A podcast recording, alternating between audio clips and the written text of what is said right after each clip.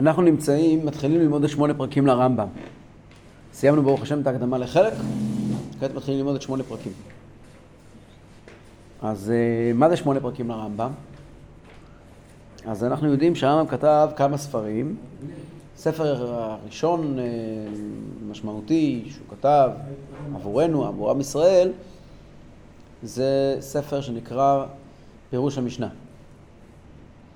ספר מאוד מאוד חשוב, החשיבות שלו היא עצומה, אין לשער ואין לתאר את גודל החשיבות של הספר הזה. הוא נכתב כתשתית באמת עבור הפרויקט, פרויקט חייו, משנה תורה. ובתוך הפירוש המשנה יש כל מיני הקדמות, שבהם הוא סוטה מהנושא והולך לעסוק בנושאים יותר כלליים. למשל, הקדמה לפרק חלק שאותה למדנו וסיימנו. וכעת אנחנו נלמד את ההקדמה לפרקי אבות. ההקדמה למשנה, לפרקי אבות, אומר הרמב"ם, כדי שנוכל ללמוד פרקי אבות נכון, אני רוצה ללמד אותך לפני כן שמונה פרקים של הקדמה. שמונה פרקים של הקדמה לפרקי אבות. ושמונת פרקי ההקדמה האלה הם, אה, הם, הם, הם, הם מה שמכונה שמונה פרקים לרמב"ם, זה ספר מאוד חשוב, מאוד יסודי. אז אה, אנחנו נמצאים בעמוד 16 ומתחילים. לשמונת הפרקים האלה כותב הרמב"ם הקדמה. כבר ביארנו בפתיחת זה החיבור מה הסיבה אשר הניע המחבר לקבוע זאת המסכתא בזה הסדר. בהקדמה הראשונה של הרמב"ם לכל השישה סדרי משנה, זו הקדמה מאוד מאוד חשובה, לא הבאתי אותה, ישבנו ללמוד אותה, חשבתי ללמוד אותה, אבל היא מאוד מאוד ארוכה ואני פוחד שאתם תירדמו. אז לכן אה, לא נלמד אותה בשלב זה, אולי בהזדמנות יותר מאוחרת. שם הוא מדבר, כל מסכת ומסכת גם כן, למה היא נסדרה בסדר הזה ובמקום הזה. למה פרקי אבות, מסכת אבות, נכנסה בסדר נזיקין. מה זה קשור לנזיקין? שם הרמב"ם מדבר על זה. וזכרנו גם כן גודל התועלת בזאת המסכת. כבר דיברנו על כמה המסכת הזאת, מסכת אבות, היא כל כך חשובה.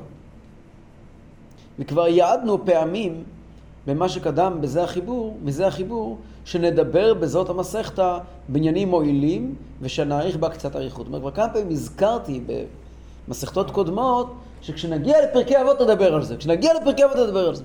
מה, פרקי אבות זה לא סתם מסכת. זה לא עוד מסכת של משניות, זה מקום שצריכים לדבר בו על דברים מאוד חשובים. מפני שהיא, אף על פי שתיראה מבוארת, קלה להבין, למרות שהמסכת הזאת נראית כאילו היא ברורה, כן. כאילו הכל בסדר, נכון? הנה המעשה במה שכלול בה אינו קל על כל בני אדם. מאוד קל אולי לדבר וללמוד אותה, אבל מאוד קשה לבצע אותה. וגם לא כל ענייניה מובנים מבלי פירוש מספיק. גם לא כל הפרטים במסכת אבות אפשר להבין אותם בלי פירוש טוב. אם היותה מביאה לשלמות רבה והצלחה אמיתית. ביחד עם זה, היא נותנת uh, בחיים שלמות לכל אחד והצלחה בחיים. ומפני זה ראיתי להרחיב בה הדיבור. ולכן אומר הרמב"ם, ראיתי צורך לדבר פה קצת יותר בהרחבה ולפתוח את הנושא הזה של מסכת אבות קצת יותר ממה שאני רגיל. וכבר אמרו עליהם השלום, חז"ל כבר לימדו אותנו, היי מאן דבאי למה וחסידה, לקיים מילדי אבות. מי שרוצה להיות חסיד, שילמד אה, דברי פרקי אבות. מה זה להיות חסיד? ואין אצלנו מעלה למעלה מן החסידות אלא נבואה. חסיד זה הדרגה הכי קרובה לנבואה. והיא מביאה אליה. כמו שאמרו, חסידות מביאה לידי רוח הקודש. אז אם אתה רוצה להיות חסיד של דרגה נפלאה ומופלאה, זה הדרך לשם. הנה התבהר מדבריהם שהמעשה במוסרי זאת המסכתא מביא אל הנבואה. זאת אומרת, אם אנחנו מקפידים על מה שנאמר במסכת הזאת, נגיע לנבואה. מפני שהיא כוללת חלק גדול ממעלות המידות. והננו עתידים לבאר אמיתת דבר זה, אנחנו נבין בעזרת השם למה המסכת הזאת היא כל כך כל כך אה, אקוטית והכרחית כדי להגיע לאיזה שהם הישגים אמיתיים. החסידות שהוא מדבר, החסידות של היום לא, לא, לא, לא. כן.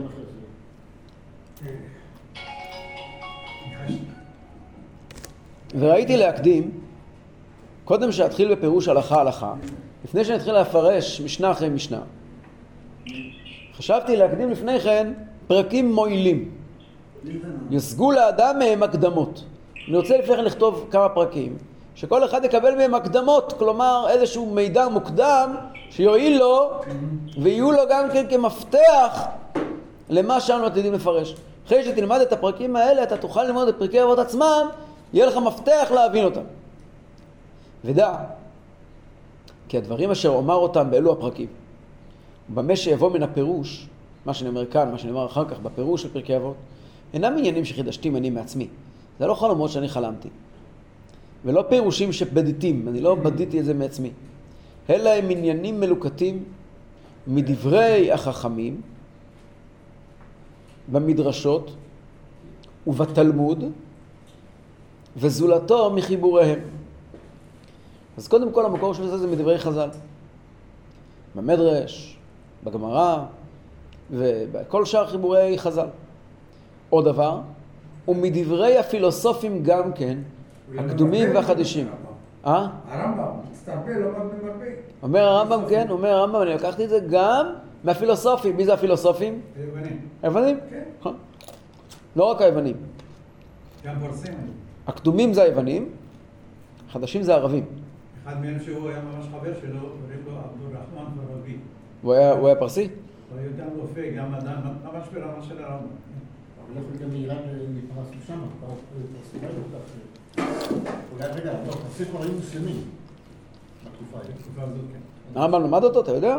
כן. אוקיי. אנחנו יודעים את השמות של הפילוסופים שהרמב"ם משתמש בהם. אני חושב שהרמב"ם ומחיבורי הרבה בני אדם, אה? אני חושב שהרמב"ם כמו שסובל. אה. ושמע האמת ממי שאמרה. פה זה המשפט הידוע. מה הפירוש, מה הוא אומר בזה? הוא אומר, איי, איך אפשר לסמוך על אריסטו ועל הפילוסופים האלה הגויים, שהם לא היו יודעים ירי שמיים, כמו שהרמב"ן מאיר. הרמב"ן כותב אריסטו ימח שמו. אריסטו הראל ימח שמו, כך כותב הרמב"ן בכמה מקומות. ועוד, גדולי ישראל מאוד מאוד כעסו על אריסטו. אז איך אתה יכול להביא מהם דברים? אומר הרמב"ם, שמע האמת ממי שאמרה. אם זה אמת, אפשר לקבל את זה גם ממי ש... לא משנה מי זה. ואפשר שאביא לפעמים אמרה שלמה של לשון ספר מפורסם. ואין בכל זה רע. אני לא מתנצל. כן, אני מצטט אחרים, מה הבעיה? ואיני מתפאר במה שאמרו מי שקדם. אומר, זה לא הפירוש שאני כעת מגיע ואני מצטט מישהו ואני אומר זה שלי. ואז זה לא יפה. לפי שכבר הודיתי בזה. אמרתי לכם שזה לא ממני, אז אני יכול לצטט. אם הייתי אומר שזה הכל ממני, זה לא יפה לצטט. אבל היות שאני אמרתי שזה לא ממני, לא, אז אני יכול לצטט. גם כשהוא לא מצטט, אם הוא אומר זה דבר כלשהו, אז, אז הוא לא מצטט מי אמר את זה. הוא אומר, במילא הוא לא יזכור את זה. לא, לא, לא, בוא תראה למה הוא לא מצטט. ואף על פי שלא אזכור אמר פלוני אמר פלוני, אה, שזו אריכות אין תועלת בה. קודם כל זה לא מוסיף כלום. אה, יותר מזה, ואפשר לפעמים ששם האיש ההוא יכניס בלב מי שאין תבונה בו שזה הדבר נפסד ויש בתוך רע שלא ידעהו. אומר, אנשים חשבו לעצמם, ברגע שאני אצטט שמות, אה, הוא אמר את זה! לא רוצה להקשיב. למה? בטח יש בזה רע. איי, אני לא רואה מה רע, אני לא מספיק חכם. אני לא יודע מה טוב ומה רע. הוא אומר, אז הוא אומנם נשמע ומתקבל, אבל כנראה שזה מצפין בתוכו משהו לא, משהו לא טוב. לכן אומר הרמב"ם, אני, אני אומר לך, תקשיב לי, אני לוקח מכולם, אבל אני מספיק בר סמכה כדי להביא בפניך אה, ציטוטים מספרים קדמונים, ותסמוך עליי. מפני זה ראיתי שלא לזכור האומר, לכן לא רציתי להזכיר מי אמר את זה.